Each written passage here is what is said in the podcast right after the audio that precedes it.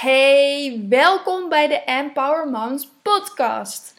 Iedere week spreek ik best wel veel moeders. En eigenlijk gaan al deze gesprekken over hetzelfde onderwerp. Namelijk het gevoel hebben dat jij als moeder de enige bent die af en toe loopt te worstelen met het moederschap. Dat ze moeite hebben met een stukje focus houden. Of dat ze moeite hebben met een stukje tijd voor zichzelf in te plannen. Dat ze misschien negatief terugkijken op, op hun zwangerschap of bevalling. Of dat ze af en toe niet goed weten hoe ze gewoon het hele moederschap kunnen handelen. Omdat er geen escape is. Omdat je er gewoon 24 uur per dag aan vastzit eigenlijk. Hè? Je hebt er nou eenmaal voor gekozen als moeder zijnde, dus moet je er maar mee dealen. Weet je wel, dat soort gedachten. Zij kunnen zich heel erg eenzaam voelen. Juist doordat ze niet echt erkend worden in hun gevoelens door de mensen om zich heen. Ze vinden het heel erg lastig om hierover te praten. Ze vinden het heel erg lastig om dit soort onderwerpen aan te snijden, omdat ze het gevoel hebben dat zij de enige zijn die dit ervaren. Dat geeft heel veel eenzaamheid. Je kunt je voorstellen dat als jij dit soort gevoelens ervaart, en ik weet eigenlijk 100% zeker dat jij een van deze gedachten wel eens hebt, want iedere moeder ervaart dit soort gedachten. Maar als jij dit niet deelt, als jij het gevoel hebt dat jij de enige moeder bent die dit soort gedachten heeft, dat dat best wel veel emoties oproept. Dat dat best wel veel verdriet op kan roepen. En heel veel machteloosheid, heel veel angst ook wel. De angst van, doe ik het allemaal wel goed als moeder? Want waarom lijkt het bij andere moeders allemaal veel makkelijker te gaan? Maar is dat zo? Gaat het bij andere moeders ook echt makkelijker? Of is dat het idee dat wij hebben? In ons hoofd maken we vaak hele mooie plaatjes dat andere moeders het fantastisch doen en worden we heel erg onzeker van de dingen die wij doen. Want is dat eigenlijk wel goed? Voeden we ons kind wel op een goede manier op? Die huilbuien die ons kind heeft, is dat wel normaal? Waarom is het kind van mijn vriendin veel rustiger?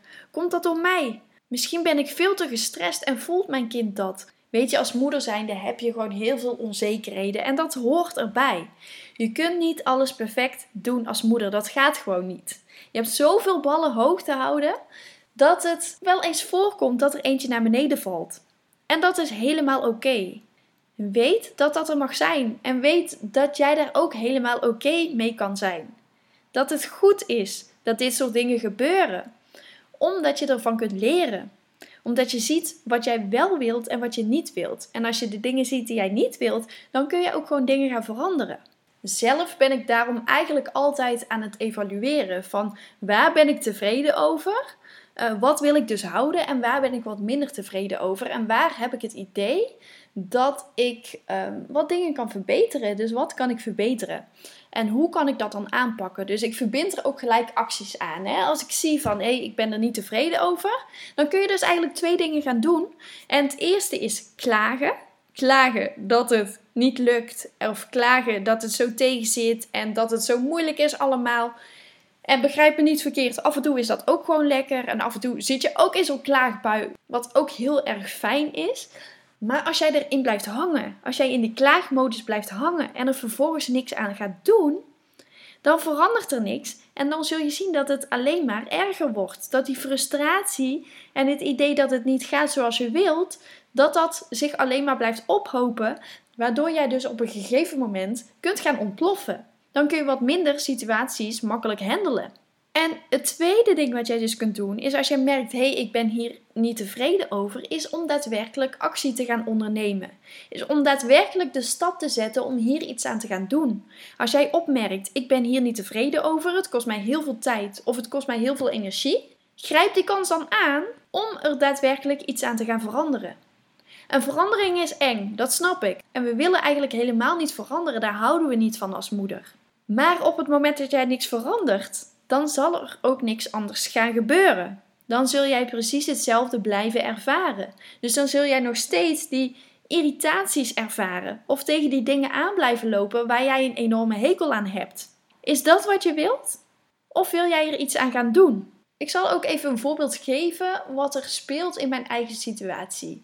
Mijn dochter is best wel een pittig kind. Zij is heel eigenwijs, heeft een eigen willetje, kan heel erg drammen En heeft regelmatig last van woedeuitbarstingen. En dan niet van die hele kleine woedeuitbarstingen, maar echt extreme woedeuitbarstingen. Met liggen op de grond en gillen en krabben en slaan en niks is goed. En dat duurt een paar minuten en vervolgens is het dan oké. Het gebeurt vooral als ze haar zin niet krijgt, als ze honger heeft of als ze moe is. Deze drie dingen, dat zijn de oorzaken van die woedeuitbarstingen. En ik weet, mijn kind heeft het al van jongs af aan gehad. Ze was al meteen, ook in mijn buik was ze heel erg dwars. Ze lag bijvoorbeeld al in stuit, wilde niet draaien. Uh, toen had ze al haar eigen willetje, zeg maar. Hè? Dat ze niet in hoofdligging gewoon uh, normaal geboren wilde worden, maar in stuitligging. Daar begon het al.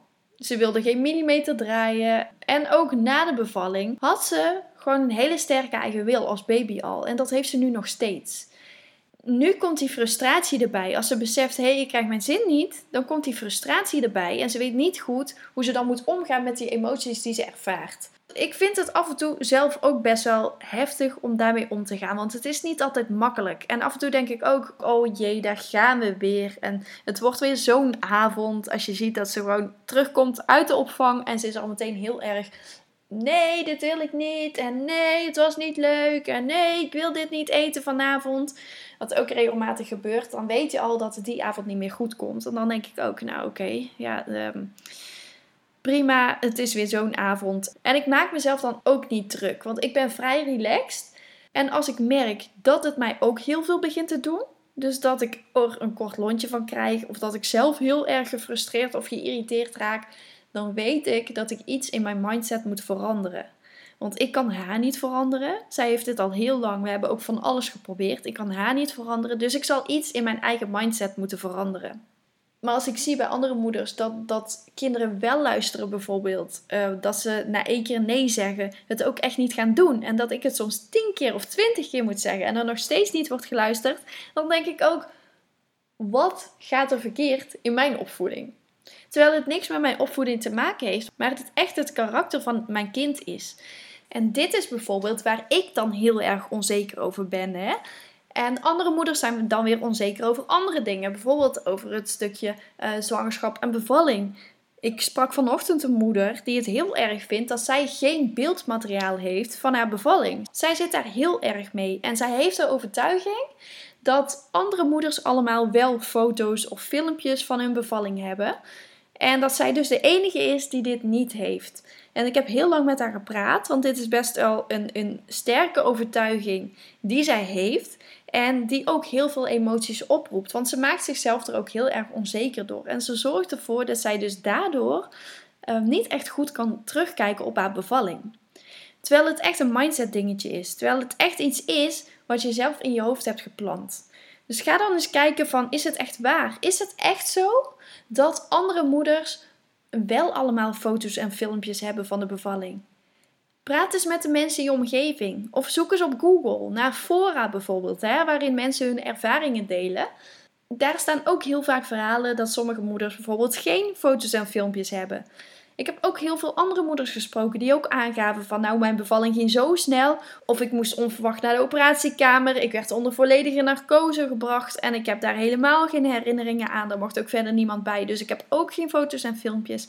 Dus het is absoluut niet zo dat jij dus de enige bent die dit ervaart. Maar doordat je dit jezelf zo aanpraat, kun je er enorm mee blijven zitten. Daag die gedachte dan eens uit van is het echt waar? Weet ik zeker dat het echt waar is? Of is het iets dat ik mezelf aanpraat? En wat als het echt waar is? Is dat zo erg? En zo heeft iedere moeder haar onzekerheden. Ook een andere moeder die ik heb gesproken, die was ook helemaal in de veronderstelling dat moeders werken en privé moeiteloos konden combineren. Dat ze daar geen problemen mee hadden, dat het thuis allemaal heel soepel liep, dat ze op de werk optimaal konden presteren. Maar is dit ook echt zo? Want heel veel moeders die ik spreek, die hebben best wel moeite mee om werk en privé te kunnen combineren. Om 100% te kunnen geven op hun werk. En die zijn bijvoorbeeld heel erg vermoeid door een gebroken nacht. Of die lopen s ochtends te haasten, komen heel erg stressvol op hun werk aan. Waardoor ze het eerste uur moeite hebben om zich te kunnen concentreren. Dus er zijn altijd verschillende factoren. En als jij dus tegen jezelf zegt van hé, hey, andere moeders hebben hier geen last van, dan haal je jezelf naar beneden. Dus is dat echt waar? Hebben andere moeders daar geen last van? Heel veel andere moeders doen ook maar gewoon wat. Die klungelen ook maar gewoon wat aan. Die doen ook maar wat het beste voor hun werkt en hebben geen idee wat ze nou eigenlijk aan het doen zijn. Hun huis is af en toe ook gewoon een troep. Ze hebben misschien al vier dagen niet gedoucht. Dat komt voor. Dat kan, altijd. En het idee hebben dat alles dus perfect moet zijn, dat gaat jou niet helpen. Het idee hebben dat andere moeders het allemaal wel goed kunnen doen, gaat jou ook niet verder helpen. Want het zorgt alleen maar voor veel meer onzekerheid. Dus ben vooral bewust van die gedachten. Wat zorgt ervoor dat ik denk dat andere moeders het allemaal wel goed kunnen? En wat maakt dat ik denk dat ik het niet kan? Wat maakt dat ik denk dat ik minder ben dan die andere moeders? En is dat echt zo? Ga hier eens mee aan de slag. Want het lijkt vaak makkelijker te gaan bij andere moeders, maar vaak is dit helemaal niet het geval als je het gesprek met ze aangaat. Dan zul je zien dat deze andere moeders ook gewoon tegen dezelfde dingen aanlopen als waar jij tegenaan loopt. Dus praat met elkaar over dit soort onderwerpen, want dan zul je zien dat jij niet de enige bent die dit ervaart. En dat die miljoenen andere moeders tegen precies dezelfde dingen aanlopen als waar jij tegenaan loopt. Ik ben heel erg benieuwd wat deze podcast jou heeft opgeleverd. Uh, wil je hier verder mee aan de slag? Of wil je weten wat ik nog meer voor jou zou kunnen betekenen? Of wil je meer informatie over mij bijvoorbeeld? Ga dan naar empowermoms.nl. Ik wil je heel erg bedanken voor het luisteren en tot de volgende keer.